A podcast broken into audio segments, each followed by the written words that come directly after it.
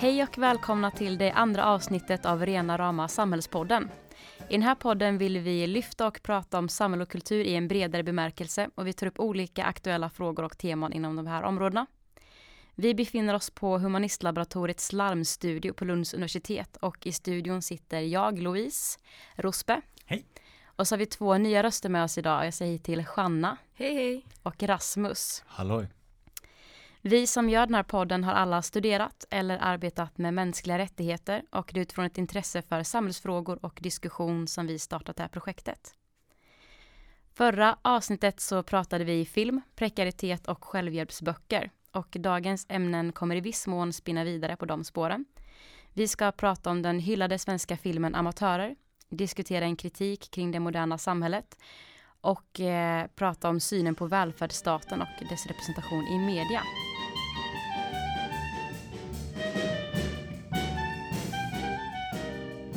Då skulle jag vilja be dig Hanna presentera den filmen som jag nämnde lite inledningsvis här. Vi har sett filmen Amatörer med eh, skådespelare som faktiskt är amatörer. Eh, den är gjord med manus och regi av Gabriella Pichler. Och hon har skrivit manuset tillsammans med Jonas Hassan Khemiri som även har skrivit böckerna Allt jag inte minns och Ett öga rött. Och filmen Amatörer handlar om Lafors. Och det är ett brukssamhälle någonstans i Västra Götaland, ganska nära Borås. Det är en småstad som har en eh, eh, som kanske har tappat lite av sitt, sin identitet. De eh, var förr en textilstad med mycket skinn och bruksvärld. Sak samma. De har i alla fall fått en tysk lågpriskedja på kroken. Och nu ska de göra den här eh, kedjan superbillig. Eh, de ska göra Lafors attraktivt. Så de ska göra en kommunfilm. Men det finns inga pengar kvar. Budgeten är slut. Så att Musse som är tjänsteman i, eh, i filmen kommer på den geniala idén att få högstadieeleverna att göra det gratis. Som ett slags demokratiprojekt. Ehm, då de får in massa olika filmer av de här niondeklassarna så känner de att ingen riktigt liksom passar mallen. Det är inga nya Bergmans. Så att de tar in en dokumentärfilmare istället. Eh, parallellt med det så har två tjejer i den här högstadieklassen, de, har, de fick ju tändning och har börjat eh, också spela in en kommunfilm. Så Aida och Dana åker runt på sin moppe eller sin BMX typ, eller vad det är. Bike. Och filmar med mobilkameror. Och eh, så får man se hur Aida och Dana filmar runt i samhället alla de sakerna som dokumentärfilmaren inte tar upp. Och det är massa olika konflikter i filmen eh, som skildrar olika former av, eh, av karaktärer i staden. Och det är mycket så här, eh, integration och det är olika former av liksom eh, vad ska man säga? Alltså det är, de är olika representanter i filmen. Så det är liksom en klassaspekt och det är olika sorters invandrare och det är vem som får passa in i filmen och i en småstad. Eh, vad tyckte ni om den? Kan inte ni berätta lite? Jag tyckte också att den var jättebra. Och just som du säger att den visar alla människor och alla, alla olika liv bara i det vardagliga liksom. Det var fint. Um, och den är, ja, den är intressant och den lyfter mycket, många intressanta aspekter och den, den problematiserar ju på ett ganska enkelt sätt kan man säga. Vilket jag tror gör den lättillgänglig och får många personer att kanske reflektera de här frågorna som du lyfter nu med integration och, och klass och, och hur man ser på sitt liv i småstaden och hur människorna samlever där egentligen. Mm. Det jag också tyckte var väldigt spännande var hur sättet det var filmat på att de använde liksom mobilkameror och det var väldigt så här, långa sekvenser när de åker på en moppe på ett fält som egentligen är skittråkigt att titta på. Men att de klippte det tillsammans med eh, typ en drönare, de klippte det med och ändå hade liksom ett perspektiv som förde filmen framåt som i en klassisk långfilm.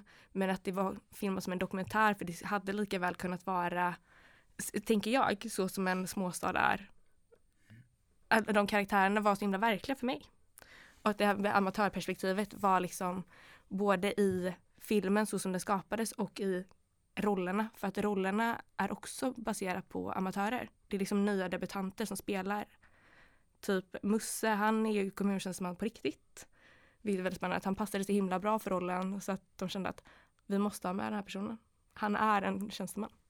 Alltså, jag tyckte den var lite ojämn Mm. som film. Eh, jag tyckte att just det här att det är amatörer som spelar och att vad ska man säga, handlingen framåt inte alltid är helt klar. Eh, det känns som det är liksom små avstickare nästan ibland där man inte riktigt vet hur, vad, vad, vad, hur tar vi det här framåt. Å andra sidan så fördelen med det är ju att eh, det blev liksom som små överraskningar när något som verkade relativt lugnt eller förutsägbart plötsligt så fick det en twist. Men det var inte liksom en sån här dramatisk twist utan det är liksom i det lilla så inser man att här finns det någonting. Va? Så att när, när vi får se Musses mamma då får han plötsligt en helt annan dimension. Eh, och när vi förstår dessutom hur svår den relationen är för honom och för henne. Hon är dement och har tappat svenskan. Så hon kan bara sitt modersmål. Hon kan, hon kan bara, eh, hon är från Sri Lanka, så hon kan bara tamil. Medan han inte kan det. Så att hon är ju isolerad inte bara från övriga samhället, hon är isolerad från sin egen son. Men jag gillar också det att man, att man får se hur, hur de olika karaktärerna inte har den här utvecklingen. Att, de in, att han inte måste lära sig och att det nu ska bli happy, happy ending. Och väl det som jag kanske tycker bidrar till den här eh, dokumentärkänslan på ett visst sätt. Alltså att det inte finns ett rätt eller fel och att det inte finns en, forts- Mm. det finns en fortsättning utanför filmen också. Mm. Och att han kanske aldrig kommer få den kontakten med sin mamma igen. Men istället för att hon ska, för, för filmens sak, för att det ska bli en bra handling, så att han ska lära sig Tamli, så liksom så finns det inga mer scener med det. Han blir bara, han har tappat kontakten och det kanske är så det är. Tycker, Jo, men, eller, ja, men i det avseendet så är den ju realistisk. I meningen Ja. att alla människor lyckas inte få ordning på sina liv på ett sätt som gör att vi som fortsätter. observatörer är nöjda och glada och kan Mm. gå därifrån och, och känna liksom att det finns hopp.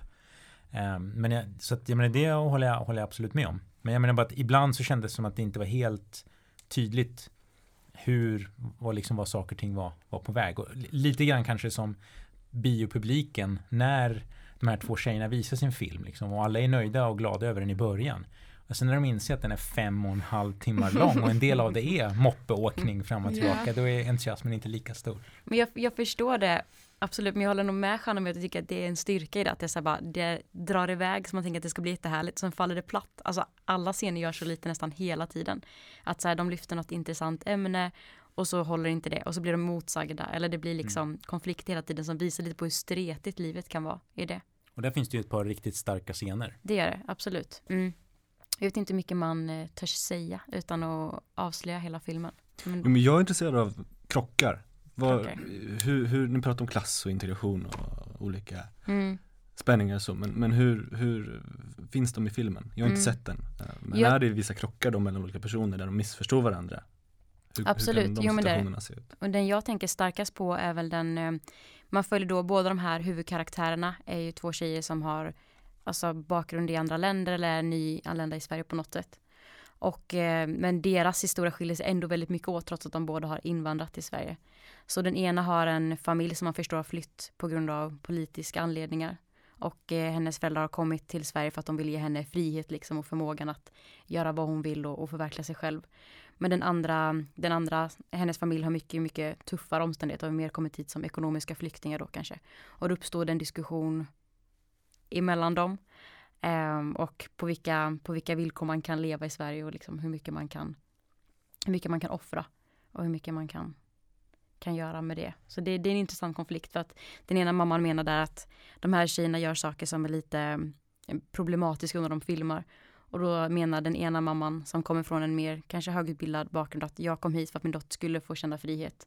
Och då måste man ibland offra vissa saker. Medan den andra mamman menar att jag har inte råd att offra någonting för att de har en helt annan bakgrund och annan situation. Så där uppstår det en konflikt liksom. Mm. Så man förstår ännu mer vidden i vad, vad människor har för bakgrund kanske och för någonting att jobba med. Mm. Får tittaren hjälp att ta ställning? Inte alls. Och det är det jag tycker om med den Mm. filmen. Ja. Jag gillar Man håller inte- med båda sidor Att det ofta. inte blir, det blir inget ställningstagande. Eller att du, ehm, för det finns inget det här rätt eller fel. Utan du förstår båda sidorna av, av situationen. Och sen så förstår du liksom ytterligare, eh, det, är, det är en scen med en rom som ska flytta sig för att han sitter på en bro och ska fiska. Och eh, den här dokumentärfilmen vill liksom visa den vackra bron som hela småstaden gillar. Eh, och de börjar prata med honom och han eh, börjar prata på romanska eller på romani med en annan som är kommunanställd som berättar om att min familj kom också hit och de har klarat sig, varför gör inte du det? Så att det liksom blir en, det finns så himla många olika konflikter. Mm. Alltså både mellan, eh, och det finns inget rätt eller fel i den heller. Vilket också typ, regissör, regissören ställer sig utanför att, och inte tvingar dig heller att skapa en uppfattning, tycker jag. Ja, men det visar ju på att den här typen av kontraster och generationsskillnader och allt vad det nu är, de finns ju alltid. Och de går inte alltid att lösa. Det handlar inte om det. Och det handlar inte om att den ena är nödvändigtvis mer rätt eller fel än den andra. Men det handlar om att om vi inte ser dem eh, och inte liksom på något sätt erkänner att de finns utan att liksom göra en jättestor episk grej av den. Då blir ju konflikterna mycket värre. Alltså att det är på något vis, jag tycker den var underfundig i det avseendet på ett väldigt bra sätt. Just att, ja, men, ja, det finns en massa olika saker. En del saker gör att folk kommer tillsammans och en del saker gör att de, de ställs mot varandra. Det är lite grann som den scenen när de här två tjejerna ska liksom agera liksom rebeller inne i det där köpcentret. Eh, och jag menar, det är klart man kan tycka att de har rätt i sak när det kommer till systemfelen. Men de står här nu och, och liksom eh, så att säga bankar på en, en vanlig människa som liksom är ute efter att bara handla lite mat. Och han ger svar på tal och säger, men det här är vad jag har råd med. Jag har inte råd med något handgjort, liksom eh, artisan bla bla bla. Som ifrågasätter ju arbetarnas rättigheter. Ja, mm. men liksom, han har inte råd med det rättvisemärkta. Så att säga. Det är vad han säger i alla fall. Men det är ju liksom att de, det är många som, liksom deras liv, deras ekonomiska situation bygger på att det finns en lågpriskedja. Så rebellade de genom att fråga de, de, köpte det han köpte? Ja, precis. De, de vill ju liksom väcka de här människorna och säga att men det, här är inte, liksom, det här är inte rätt. Vad tänker du om de som gör de här billiga grejerna som inte får så mycket betalt så att det här kan vara så billigt så att du kan köpa det? Eh, och, och hans svar är ju liksom, ja men det här är vad jag, det här är min verklighet. Jag kan liksom inte ta mig an hela världen. Mm. Mm. Vad tror ni gör filmen så populär då? För den har blivit väldigt hyllad ju i, i media och så. Jag tror väl ändå, precis som hon beskriver, att den har så här satir med hjärta. Att, du, att man tar det lite med en... Eh, att det, det är humorn i den som gör så att den blir så himla lätt, att man kan ta till sig den till skillnad från hennes andra film, typ Äta, sova, dö, som var mycket mer eh, mörk, tycker jag. Så är den här filmen kanske att man kanske kan börja prata med barn om den. Du kan börja prata om varför, eh, varför det ser ut på ett visst sätt och att du inte säger att det ena är rätt eller fel för att det är ändå en sån sjuårsgräns. Och att man kanske kan eh, känna igen sig i det här med att man tycker att ett system är fel och att du vill göra någonting åt det. Men att det inte funkar med att säga till någon i en, i en kassakö. Men det kanske funkar med att du börjar filma det som du ser om dig, vad du, vad du ser, vilka som får synas i vissa, i vissa sammanhang. Mm. Det kanske är det lätta, mm. eller det som är det tillgängliga i den. Mm. Jag tycker också att de ganska bra lyckas balansera med att för många skildringar av småstäder sparkar ju ändå neråt liksom och ironiserar över hur folk lever på landet och så. Och det lyckas de ändå Alltså ibland tycker jag att de kan vara ute på djupt vatten men ofta så lyckas de balansera det bra. Och det tycker lyfter filmen är att det är två invandrartjejer som har liksom huvudpersoner och det är deras röster som talar ofta. Och det är ju, det är ju liksom ett ovanligt eh, inslag så. Men att de fortfarande inte blir omotsagda. Det tycker jag är intressant. Jag tror många kan identifiera sig i olika karaktärer i filmen. Det är också tycker jag intressant. Jag menar, man tänker inte på liksom att när Sverige har tagit emot olika grupper under årens lopp och framförallt när det varit de här eh, så att säga, stora grupperna som kommit under kort tid som under Balkankrigen till exempel. De har ju då spridits beroende på hur, eh, vem som har kunnat så att säga, sälja in sina flyktingförläggningar lite överallt. Och till viss del så har de hjälpt till att stimulera den lokala ekonomin i en del av den svenska landsbygden.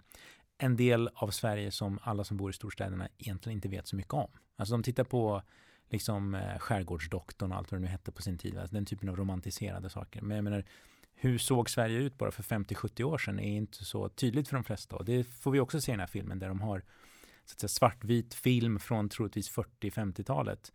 Eh, och de, som, de här ungdomarna som tittar frågar, är det här Albanien? För det är liksom det vad de tänker. Gummor i svarta hucklen som sitter vid någon halvdan lada liksom. Och, och när fanns det i Sverige? Det känns på något vis som att det var århundraden sedan, men det var det ju inte. Mm. Det är mycket sådana kommentarer som har ett bråddjup i sig, så man hoppas att eh, betraktarna eh, kan ta det vidare och liksom bära det med sig. Mm. Fint.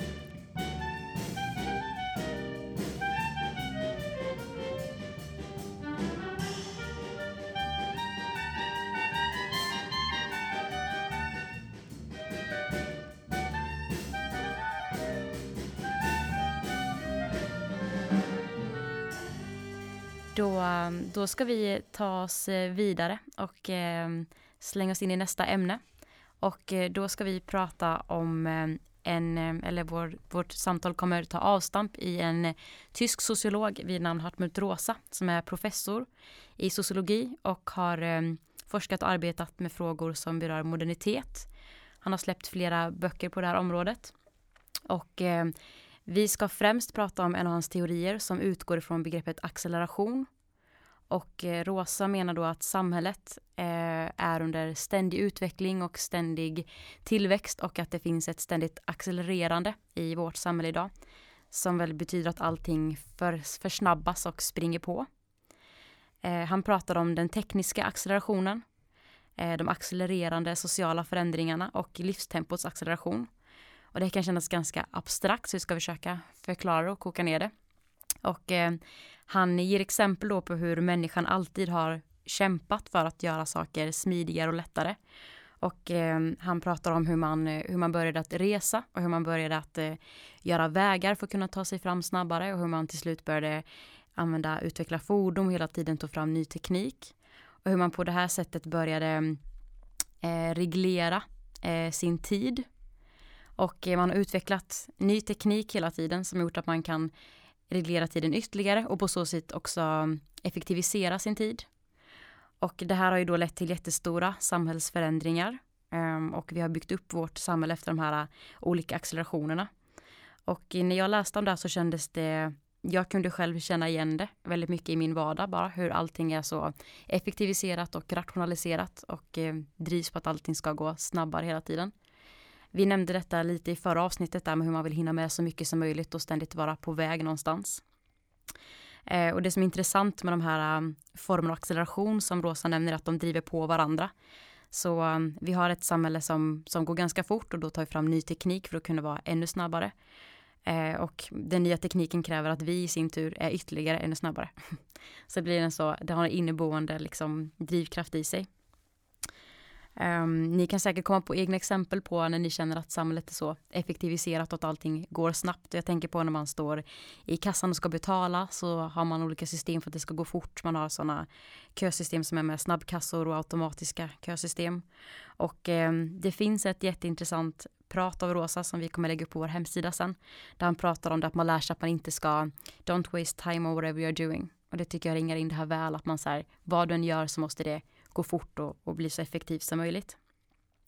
Han pratar också om att vi människor på något sätt också vill, eh, vill ha så mycket koll på allting som möjligt att allting ska vara lättillgängligt för oss och det ska finnas nära till hands och det ska vara greppbart.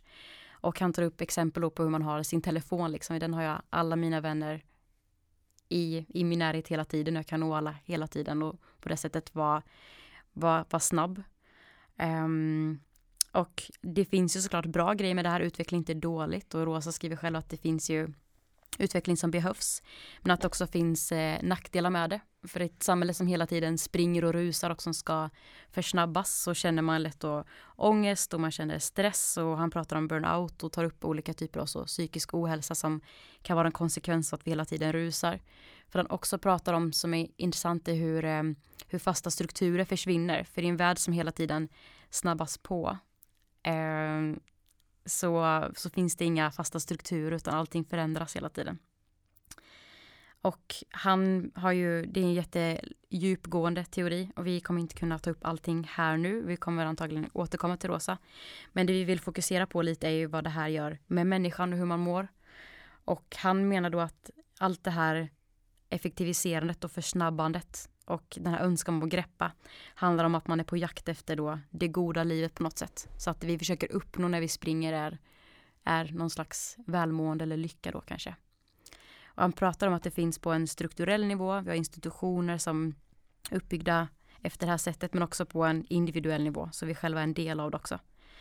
Eh, och att det, ja, några av de negativa konsekvenserna är den här psykiska ohälsan som man pratar om men också att miljön till exempel inte hinner med i vår takt med att konsumera och hela tiden eh, kämpa på. Men vi ska, vi ska gå vidare på det som han då menar är vår jakt på det goda livet och han kallar det för resonans. Och där ska jag bolla över till Rosbe som ska förklara det. Ja, alltså det är intressant hur han försöker hitta någon sorts analogier till, till begrepp och saker och ting som vi känner igen i vardagen. Och man kan väl säga att vad han menar med resonans är att det, resonans är det där som ger livskvalitet, det är det som ger det goda livet. Och resonans är inte förutsägbart, till skillnad från allt som vi försöker att göra förutsägbart. För det har att göra med det där som berör en på ett djupare plan. Och det som berör en på ett djupare plan kan man inte planera in. Man kan ju till exempel bestämma sig för att åka till Nordpolen för att se norrsken eh, med liksom föresatsen att det där kommer att beröra mig. Och med lite tur så gör det det, men det är inte liksom, du kan liksom inte bestämma att det här ska beröra mig, för då, då tappar det liksom sin, sin, eh, sin eh, betydelse per definition.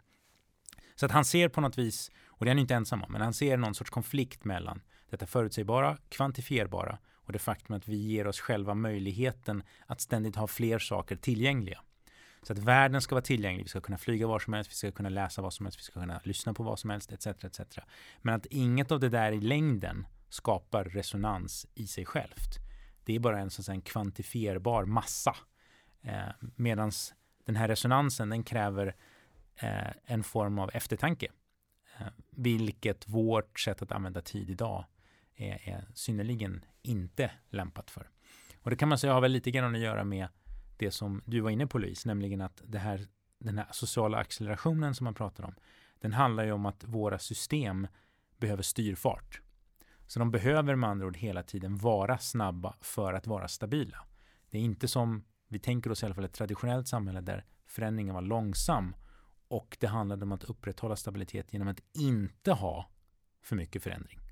Medan idag så hela tiden driver tekniken på eh, och alla de här olika krafterna gör att för att ha stabilitet så måste allting kunna gå fortare. Så det är en ständig acceleration. Det handlar alltså inte bara om att det ska gå fort utan det måste gå fortare än vad det gjorde förut. För att i annat fall så kommer den här cykeln så att säga, som vi sitter på, den kommer att vingla och sen kommer vi ramla av. Och det där, det funkar genom tekniken till exempel. Om ni, vi tittar på hur vi använder teknik idag bara jämfört med 20 år sedan titta på kommunikationen. Skicka brev till varandra, tar ett par dagar innan de kommer fram, innan man skriver sitt svar och skickar det. Sen kommer telegrafen, sen kommer telefonen. Eh, sen med internet, tv etc. etc. så skickar vi allting omedelbart och förväntar oss ett svar omedelbart. De där sakerna går ju att snabba på därför att vi tekniskt kan snabba på dem. Men vi kan inte snabba på vår egen kognitiva förmåga. Eh, vår förmåga att läsa i meningen att förstå, inte att bara läsa orden, kommer ju inte gå fortare bara för att vi stressar oss. Men det är just det, det vi gör. Vi stressar oss själva. Och där ser vi då hur det som är vår livstakt som ständigt ska öka inte går ihop med den tekniska utvecklingen. Nej, precis. Och det jag tycker är skrämmande med detta och som Rosa lite tar upp att man är på något sätt så, så, så van vid det här strukturella systemet och att förhålla sig till världen genom sådana såna strukturer som går att beräkna och kvalitativa metoder på det sättet. Um, att när man inte då får ut det man förväntar sig av det, alltså man blir inte berörd ju mer man räknar och ju mer, ju lättare man har att prata med sina kompisar genom chatter kanske, så blir det på något sätt ytterligare en känsla av så hopplöshet kanske, att man är vilsen för att det inte lever upp till förväntningarna. Så vi har lärt oss ett system och beräkna saker ut efter det och begränsade efter de ramarna, men det gör oss bara nästan ännu mer förtvivlade. Vi svarar inte upp mot våra förväntningar. Så bara för att man har tillgång till all världens musiken och Spotify så, så hjälper inte det kanske. Och då skapar det ytterligare besvikelse på något sätt. Man blir nästan bara ännu längre ifrån sig själv. Ja men det är lite, jag, när du började prata om mail Rosberg, mm. så tänkte jag det här med att du kan få hur många mail som helst men du blir besviken när du inte kan svara på dem. När du känner att din, din tekniska förmåga och din kognitiva förmåga inte går hand i hand. Och då liksom lägger du på ytterligare en press på dig själv. Och samma det här med, med resonansen, att du känner att du måste bli berörd blir man inte besviken då när man inte blir berörd? För men det är ju inte en känsla utan att det är liksom någonting hur du kopplar.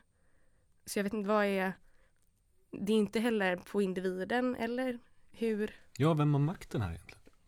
För är det vi själva som har makten att då förändra det? villkor. Ja, alltså, men Rosa själv säger ju att, att eh, i, i den här eh, eh, presentationen som han höll, som vi har lyssnat på, så, så säger han att en av drivkrafterna eh, som gjorde att han skrev boken var ju också att han tittade på de här självhjälpsböckerna och att de generellt tenderar att lägga all tyngd och allt ansvar på individen. Men det kan ju inte rimligtvis vara, som man säger, kan inte rimligtvis vara så att alla de här människorna samtidigt misslyckas. Allihopa, synkront. Utan det måste ju då rimligtvis finnas ett mönster och en struktur som gör att vi alla känner i alla fall att vi misslyckas. Men sen är ju då frågan vad den här, alltså, han har en intressant diskussion där just om att det finns ju olika sätt att försöka fylla det här tomrummet eller skapa den här resonansen. Och då pratar han till exempel just om, om populism inom politiken. Eh, och att det finns en sorts, eh, vad ska vi säga, det finns en sorts paradox i detta. Vi vänder oss till, vi tröttnar på våra vanliga politiker för att de inte kommer med några ordentliga lösningar, därför de har inga svar.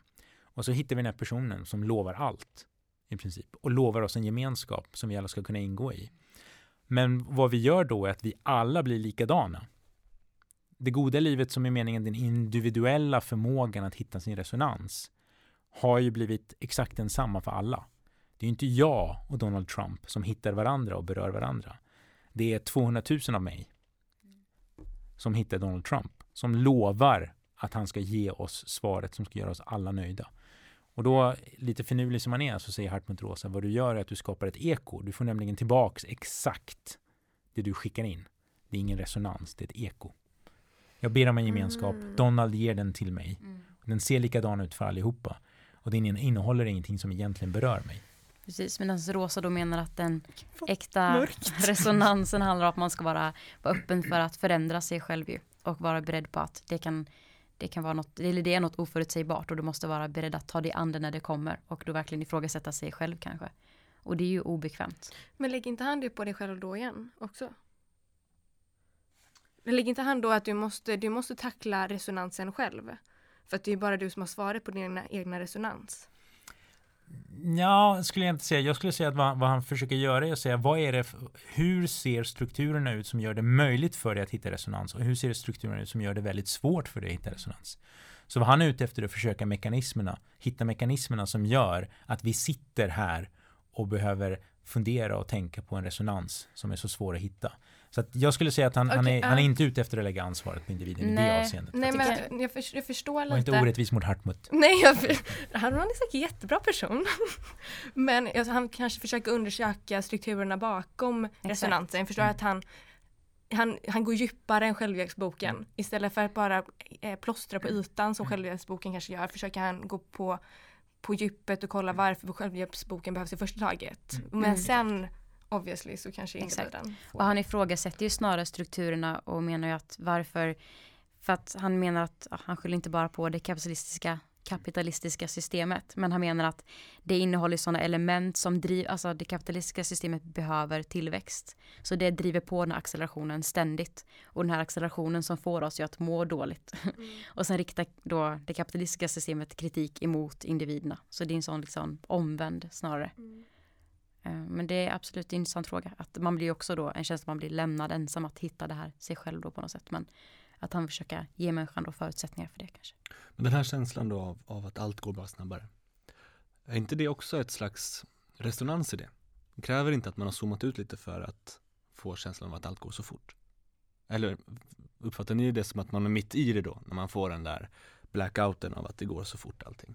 Är ni med på vad jag menar? Jag tror det. Alltså poängen är ju att många människor, många av oss, så att säga, deltar ju det här frivilligt. Nu ser inte ni fnupparna här, men frivilligt i meningen att menar, vi ingår i de här strukturerna. Vi vill att det ska gå fortare. Vi vill att det som är tråkigt ska gå fortare så vi har mer tid för det vi tror är roligt. Eh, sen är frågan hur mycket av det roliga hinner vi egentligen göra och hur roligt är det? Så att i det avseendet så är det inte som att vi alla är på något vis motvilliga bönder i ett schackspel.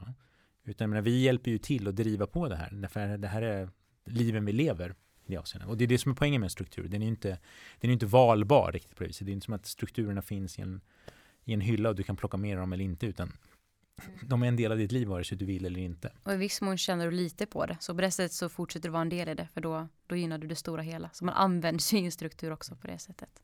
Och vissa tjänar mer på det än andra. Exakt. Menar, vissa kan ju så att säga Titta på Ferris som vi kort nämnde förra gången. Han, han har skrivit en självhjälpsbok och, och blivit miljonär på att förklara för folk hur de ska vara effektivare och hur de ska använda sin tid på ett sätt som är produktivt. Definierat då i termer av, av making business. Så att det, är inte, det är inte som att vi alla släpas dit skrikande och svärande liksom, utan det är ju... Mm. Så om man nu vill läsa det här som en självhjälpsbok för jag känner, om det nu är strukturer, vi kanske inte kan förändra strukturerna. Och jag upplever då och då Ehm, den här känslan av maktlöshet eller ångest som man kan få av att man inte hänger med. Eller hinner med. Och då, då tänker jag, då kan jag läsa Hartmut nu som en självhjälpsbok för att förstå för att förstå vad jag ska göra eh, i mitt liv. Och på något sätt vad jag utsätts för. Eh, och då blir ju på något sätt då målet att hitta resonans på olika sätt. Antar jag. Och blir det då att jag ska lägga in luckor i kalendern? Men då i slutändan så hamnar det också i någon slags effektivisering. Eller går det att komma ut ur, ur det här på något sätt? Mm. Ja, alltså det, det, det Rosa säger är ju mycket så här att jag förklarar ett problem och hur jag ser på det och hur det fungerar och hur det kan fortskrida. Eh, och han säger själv att det är svårt att komma med lösningar på det här och det är ju någonting som man liksom, och hur ska man göra det? Men det är på något sätt att förstå lite. För mig hjälper det för att förstå så här, vilka komponenter är det som får mig att känna så här och få ett slags utifrån perspektiv på det som du förklarade. Men det är klart att om man kan, mm, ja, hitta balans eller förstå varför man springer och vad man springer för. Men det handlar om att bara kunna, det är ju liksom en samhällsstruktur ju. Så det är inte så att det går i en handvändning att bryta sig loss ifrån det. Och du som individ är ju som sagt ganska maktlös i det stora systemet. För du måste förhålla dig till arbetstider och du måste ju delta liksom i det här systemet. Han, eh, han pratar ju om detta med att han är inte ute efter att säga att vi bara ska sakta ner. Alltså inte, han säger inte liksom att eh, acceleration per definition är dåligt och därför om allting går långsammare så kommer det bli bra. Eh, det är han ju inte ute efter att säga. Utan det har att göra med vilket, vilken del av systemet du tittar på och vad saken gäller. Eh, och att sakta ner i sig självt är inte liksom en lösning per definition. Sen har han i sitt nya projekt nu så, så försöker han, han ingår i ett projekt vid sitt universitet i Jena i Tyskland där de försöker just titta på hur ett samhälle skulle kunna se ut efter tillväxt. Alltså ett samhälle där tillväxt inte är indikatorn och målet. Hur skulle ett sådant samhälle ekonomiskt kunna hålla ihop på ett realistiskt sätt? Liksom. För att jag menar, om man ska vara lite ärlig också, man ska komma ihåg att, att det här är ingenting nytt i sig självt. Så vad han pratar om är ju den här idén om det goda livet. Vi kan gå tillbaka till filosofer på 1700-talet och det gamla Grekland och så vidare. Eh, och tanken på att de här moderna systemen ger oss ångest, Marx, Durkheim och så vidare. Så det här är ju, han, han vilar i detta avseende och pratar med alla sociologer och politiska tänkare före honom i viss utsträckning. Och jag tror att anledningen till varför han är så noggrann med att säga att det inte bara handlar om att sakta ner, det är just därför att det blir lätt så att vi pratar om det moderna som accelererande och ångestfyllande. Så det enda vi behöver göra är att gå tillbaka till bondesamhället. Så blir det lugnt. Om alla flyttar till Lafors eh, och börjar garva skinn eh, så plötsligt så löser sig problemet. Och det, det vill han ju inte säga därför att det är inte realistiskt det heller. Nej, precis. No. Men jag tänker också att det är intressant för att han menar att man ska så här, man ska Ja, men det, jag tänker att det här drivet som människan har också kan vara bra ju, att det kan ta oss till att uppleva saker och känna saker. Så på det sättet så finns det ju potential för att uppnå någonting bra där. Och det är väl också så svårt att säga vad som är det goda livet. Det är någonting som man har i sig själv om man definierar som det. Men att det här att det, allting springer är någonting som jag tycker är, kan hitta försöka ringa in och förstå sig på. För att själv kunna se hur man kan skapa en tillvaro som man känner sig mer tillfreds med. Jag, jag, förstår det som att det handlar just om att om vi tänker på det här som olika kugghjul som har olika funktioner och som går i olika hastighet. Att när de inte går i samma hastighet Därför att till exempel den teknologiska kan spinna på fortare och fortare. Eh, vilket leder till fler och fler sociala förändringar. Eller kan göra det i alla fall. Vilket i sin tur då gör samhället mer instabilt på sätt och vis. Därför att saker och ting förändras så fort. Men om då livstakten, det vill säga vi människor kognitivt, mentalt, emotionellt. Våra kugghjul, det finns en gräns för hur fort de kan gå. Då hakar de inte i varandra som de ska. Det är svårare att ha ett, det är svårare att uppnå ett gott liv såvida inte man tycker att vara uppkopplad ständigt och springa mellan möten ständigt är det goda livet. Det kan man ju tycka. Men om man inte tycker det så är det svårt att hitta tiden eh, att ha ett gott liv när man ständigt måste försöka hänga med. Vi eftersträvar väl ett gott liv när vi hela tiden vill maximera men istället gör vi det jättesvårt för oss själva att hitta det. Just det. Så, det, så drivkraften är ju på något, alltså driv, det som är vad ska man säga, den, den mentala fällan är detta att tro att man mår bättre och har det bättre för att man har tillgång till så många fler, inte bara saker men också upplevelser. Eh, han har just det här exemplet med att jag menar, du kan ha en streaming site för film och så säger de att de har nio miljoner filmer där. Men det vi vet efter ett tag då utifrån undersökningar han har studerat är att eh, det är de stora filmerna som folk tittar på. De övriga 8 miljoner eller liksom 959 000 filmerna är det ingen som hinner och pallar titta på. Liksom. Men det är så vi har lärt oss värdera framgång och lycka då kanske, att ha tillgång till mycket och kunna greppa mycket. Mm. Vi har pratat lite om eh, det här med beröring här nu och eh, personer och personligt ansvar och det leder oss faktiskt in till nästa ämne som eh, du ska presentera för oss Rasmus. Yes, precis, ett långsamt tempo kanske. Tänk om vi kunde skapa lite resonans. ja, eh, jag, jag tänkte att vi skulle prata lite om eh, bilder av välfärden, mediala bilder av välfärden. Vad det är som får oss att eh, tänka som vi gör när vi pratar om välfärden. Eh, jag kommer först ge några exempel på eh, dokusåpor. Först har vi den amerikanska modellen som är, nog alla har sett, den heter Extreme Home Makeover. Det handlar om att eh, en grupp coola, eh, självlyckade människor kommer och kommer hem till en nedgången familj, eh, ofta på den amerikanska landsbygden. Och de gör en, eh, en extreme home makeover. De sätter in jacuzzi och de renoverar allting så att det blir lyxigt. I slutet så, så får då familjen komma hem igen och de visar runt i huset och det är ofta gråt och sång och de säger amazing en gång i minuten. Och finalen är att hela kvarteret kommer dit och sjunger Amazing Grace tillsammans. Och det här har man då uppnått en liten, enorm kollektiv lycka. Och det är det här, kanske när man har haft en tuff dag och känner den här eh, accelerationen, om vi nu kallar eh, det för det, eh, och hamnar i soffan och inte riktigt vet vad man ska göra, så sätter man sig och ser på det här och blir berörd. Eh, vi har också ett program, ett svenskt program som heter Sofias änglar. Sofia hon har olika änglar. I ett program så har vi två snickare som hjälper en stackars ehm, eh, liten kille som eh, har fallit med sin moped och blivit förlamad. Och det här hände precis eh, precis efter att han hade fått sin första lägenhet. Och så snickaren hjälper honom att renovera lägenheten så att han kan bo i den med sin rullstol. Det är bästa dagen i, i den här killens liv. Han gråter och snickarna gråter. Um, och sen har vi den kanske mest talande exemplet där den hemliga miljonären. Eh, då är det en, eh, en miljonär som, som får klä ut sig till eh, ja, den, den, vanliga bilden av en typiskt misslyckad person i vårt samhälle. Eh, och får eh, checka in på ett eh, LSS-boende i en vecka. Ehm, och där lär han känna de som bor där kon konstant eh, och, och får lära sig hur det är att, att leva där. I slutet av vistelsen så har då den hemliga miljonären valt ut en eh, arm stackare.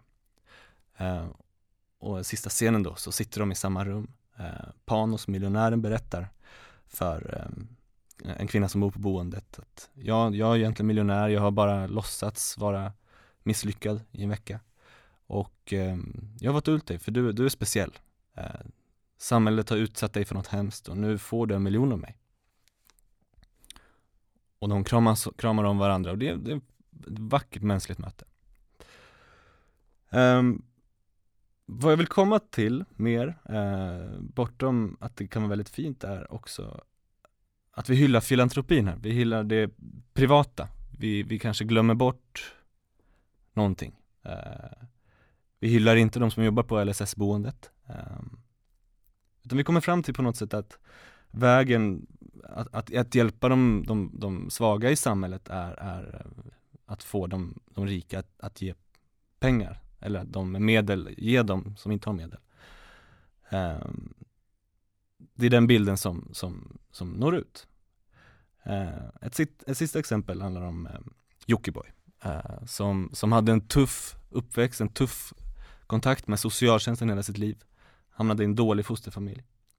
Han har 800 000 eh, följare, han är en av Sveriges mäktiga, mäktigaste på internet. Och han eh, ja, talade i, ett av sina inlägg om att han ska polisanmäla socialtjänsten. Då. Eh, så därför ska man inte heller bli förvånad om, om, en, om man hör små barn komma och säga att välfärden är dum för att den var dum mot Jockiboi. Um, så kan jag fråga, är det något problematiskt med, med att den dominerande bilden av, av uh, välfärden eller uh, hur vi hjälper varandra i samhället är, är att det är via privata, privata initiativ? Det som jag också tycker är intressant i de här privata initiativen är att där förväntar sig kanske personerna att få någonting tillbaka. Eller lite så som vi pratade om tidigare, att man, man blir betraktad som en hjälte om man hjälper till. Men vad om man är en anonym, alltså så här, vill man, vill man få ett utbyte av det? Du vill, du vill ge men du vill också få bekräftelse på att du är en bra person för att du hjälper någon som har det sämre än du. Eller så här, du, vill, du vill påverka och du vill förändra men du vill också få en klapp på axeln för att du ser någon annan än dig själv. Kan, eh, finns det, är det en skillnad mellan filantropi på det sättet också? Alltså det är de som gör det för bekräftelse och för att ge någonting eller de som vill stå emot. Förstår ni vart jag vill komma? Mm, jag menar välgörenhet har ju både så att säga, historiskt än idag fyller olika funktioner. Alltså du hjälper någon omedelbart men du kan också uppnå status genom att hjälpa människor. Mm. Eh, du ger ditt namn till ett sjukhus, du så att säga eh, på något vis donerar till någonting. Men sen finns det också de som gör det väldigt, väldigt diskret. Det finns ju de som ger pengar utan att vi någonsin får reda på det. Liksom.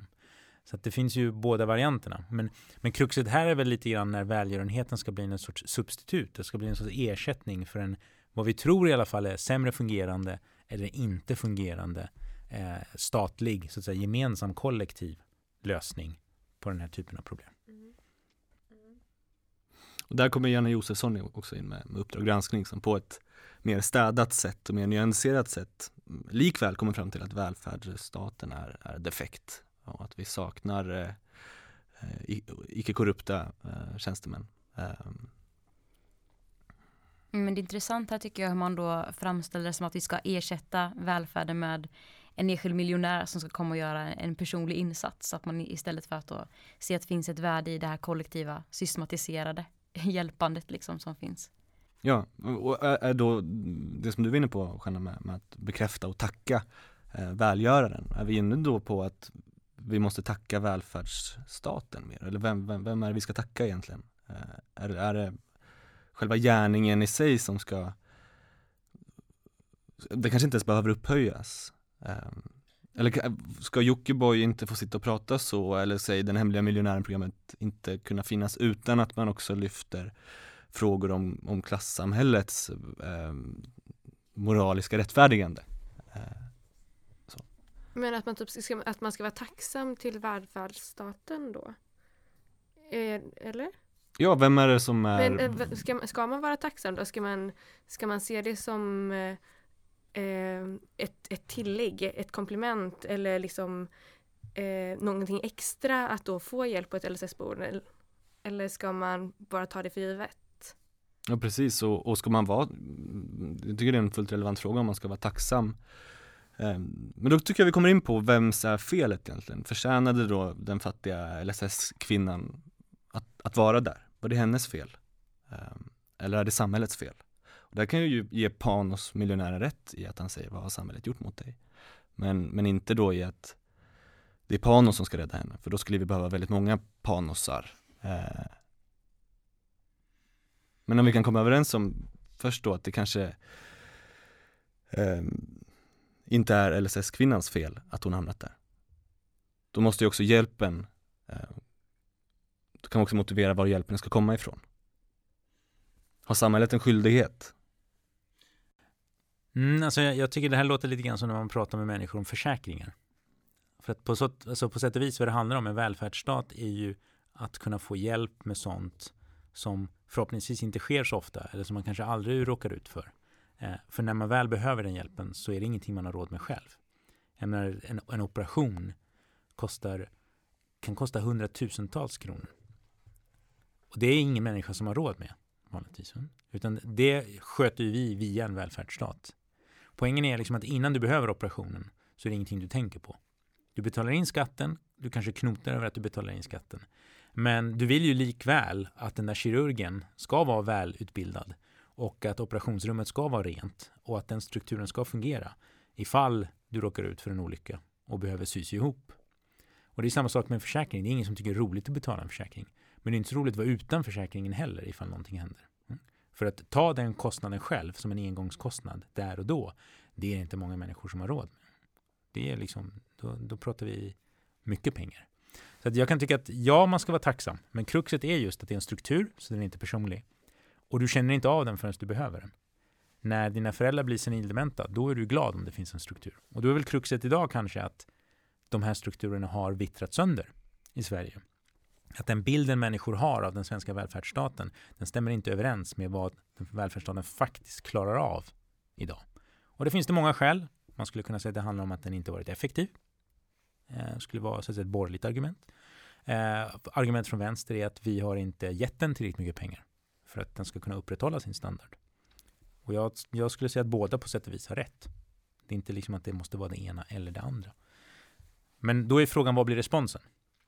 Nu ska jag strax sluta prata. Men responsen för vissa är liksom att den funkar inte, vi skippar den. Och responsen för andra är, det här är det egentligen det enda goda, sanna vi har kollektivt. Vi måste kämpa för den. Och därifrån kommer vi då till, vi kämpar för den genom att kicka ut dem där. Eller vi kämpar för den genom att höja skatten så här mycket. Eller vad är lösningen? Liksom? Men precis, och, och, och, den mediala bilden är det som matar oss då med Nej, precis, argumenten blir... för, för, i den här striden. Nej, det blir intressant då att hur vi lär oss att ta an det här problemet, lite som ni båda säger då, att, och i ett individualistiskt samhälle där man höjer individen och individens egna förmåga och att det är individens ansvar så blir det inte naturligt att vända sig till det kollektiva och satsa på välfärden. Så man kanske bara borde visa mer, alltså tror att vi förstår inte hur mycket välfärdsstaten gör med då senila eh, jättegamlingar eller liksom alla barn som föds och alla personer som behöver hjälp och som får det. Det ser man inte så ofta. Men jag tänker att det faktiskt finns eh, andra program som faktiskt lyfter välfärdsstaten. Det finns ju något som heter Barnmorskorna där man får följa med på förlossningskliniker och där man följer sjuksystrar och, sjuksystrar och sånt. Så på det sättet finns det väl ändå andra typer av program där man lyfter en fungerande välfärd och en fungerande struktur. Och det är kanske mer av den typen av program man skulle behöva då, för det här blir ju knasigt liksom. Ja, och det är också en intressant fråga. Ska, ska någon, eventuellt SVT då, ha som syfte på något sätt att, att lansera välfärden och sälja välfärden? Då? Behövs välfärden säljas? Eller behöver det bli reklam för den på något sätt? Mm. Ja, rent historiskt var man väl väldigt stolt för den svenska väl, alltså välfärdsstaten och identifierade sig mycket med den. Men det är nog någonting som kanske håller på att urvattnas. Det är väl inte, det är väl inte liksom en, en, en eh, public service-kanals uppgift att sälja någonting. Men däremot det, finns det också en nyhetslogik i detta. Va? Menar, tidningar skriver ju som bekant inte på sina löpsedlar idag gick det mesta bra i stan. Eller hur? Utan, utan vad de skriver är lastbilen åkte av en kurva eller vad vet jag, någonting hände någonstans. Så det dramatiska är ofta det negativa. Och jag menar inte att de här negativa sakerna om den svenska välfärdsstaten inte stämmer. Det finns en hel del skavanker i den svenska välfärdsstaten. Men om det är den huvudsakliga bilden som läggs fram, då framstår det också lätt som att det enda välfärdsstaten gör är att göra saker fel. Och jag i alla fall har, har svårt att tänka mig att det riktigt är så illa. Men det är.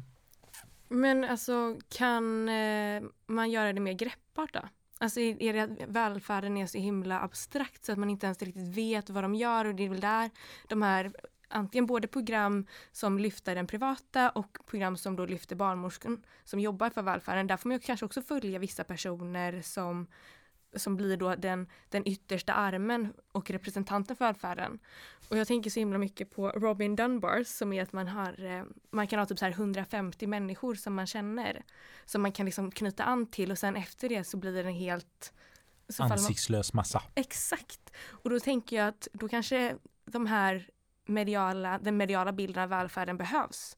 För att visa att så här ser välfärden ut så att du kan knyta an till den på ett helt annat sätt än att du bara tror att det är någon som sitter på eh, bakom någon kammare. Mm, nej, verkligen. Det är som att man eh, inte har förmågan att förstå vad det är man får ut av de där skattepengarna man klagar på. Alla förväntar sig att man ska få den här eh, gratis utbildningen till exempel. Men man gör inte kopplingen till vad det är som jag får ge tillbaka då. Så det här den stora bilden har man på något sätt inte förmågan Mm. att, att förstå. Kanske för att det är så normaliserat för oss också att leva i en välfärdsstat. tror det. Fun fact att eh, svenska skatteverket omorganiserade 2007 och då tog de an eh, Dunbars teori om 150 personer på arbetsplatsen. Mhm. Mhm. Hur kul? Så, så internt så jobbar Ja. de utifrån det. Ja, men det är ju smart. Eller hur? Så att alla liksom har, och där har vi ändå någonting statligt som kanske tänker att vi ska alla lära känna varandra så att vi får ett ansikte på varandra och vad man gör på arbetsplatsen. Kanske behöver det komma ut i Sverige då, Mm. genom SVT och genom att man får se vad välfärdsstaten gör för oss. Där har vi en krok till föreställning om gemenskap och nationalism också. Mm. Hur gör vi, hur gör vi ett land till, till vårt land Mm. när vi inte kan egentligen på något vis koppla oss till alla andra som också påstår att de är från samma land. Mm. Jag har också en förståelse för att det inte bara handlar kanske om mig och min personliga resa utan att alla mår bra och att alla mår bra och jag är inte fri förrän alla är fria då som man brukar säga. På något sätt. Eller säga som Svenskt Näringslivs VD. Vad fan får jag för pengarna? Ja exakt, och det är ett exempel på det här med att man inte kan förstå vad det betyder att bidra till det stora hela liksom. Han kanske hade fyllt sin kvot med 150 pers. Det var ingen mer som fick plats där liksom. Men alltså, man kan ju tänka så här också att jag menar, den frågan är en legitim fråga att ställa.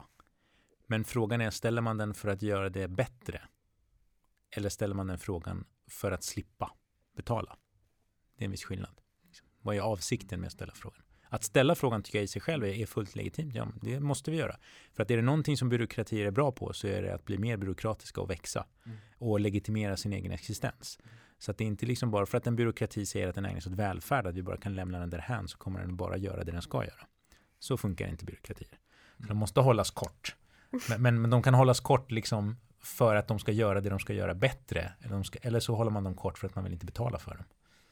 Det är lite olika avsikter och lite olika effekter.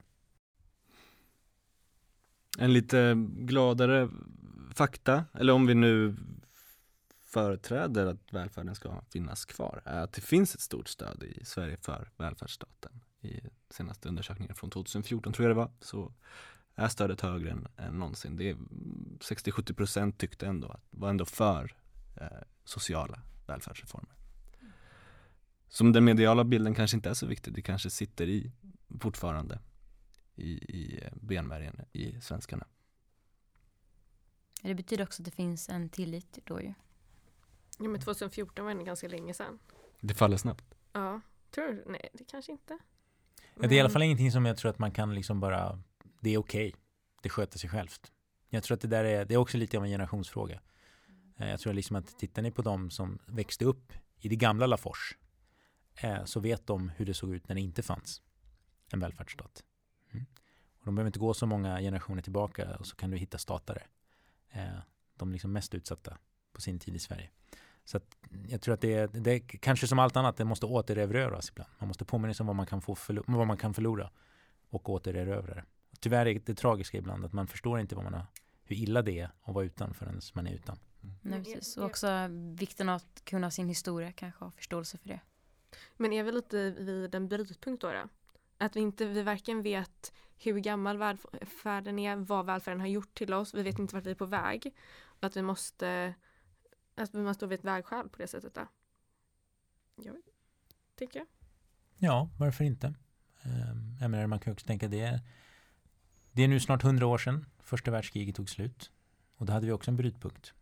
Där inga av de gamla svaren funkade. Och det kom en massa nya, mer eller mindre märkliga nya svar. Som många föll för. Eh, därför att det var det som fanns. Någon lovade att de skulle handla. Och det viktiga var att någon kunde handla. Sen åt vilket håll det skulle gå blev nästan sekundärt. Så att i det avseendet så i å andra sidan så tycker ju alla att de alltid lever i en brytpunkt. Men, men man kan fråga sig om det inte är så. Vi har i det här avsnittet pratat om hur svårt det kan vara att leva i det moderna samhället där allting förändras, förflyktigas och eh, rusar och hur man som människa försöker finna det goda livet i det här samhället. Och detta är någonting som vi kommer komma tillbaka till och ta oss an utifrån olika aspekter och vinklar längre fram. Vi ska ta och eh, runda av det här eh, poddavsnittet Och innan vi gör så så vill vi tipsa om att man kan gå in på vår hemsida för lästips och där kommer finnas länkat sånt vi har pratat om. Tanken är väl lite att det här ska vara en ögonöppnare så kan man förkovra sig vidare på egen hand. Vi vill också säga tack till Irma Eneroth och Mattias Svan som sitter i teknikrummet idag. Och så vill vi tacka Klesmerkalaset som har gjort den fina gingen till vår podcast. Och så vill vi tacka Marcus Elvebrant som också sitter i teknikrummet idag.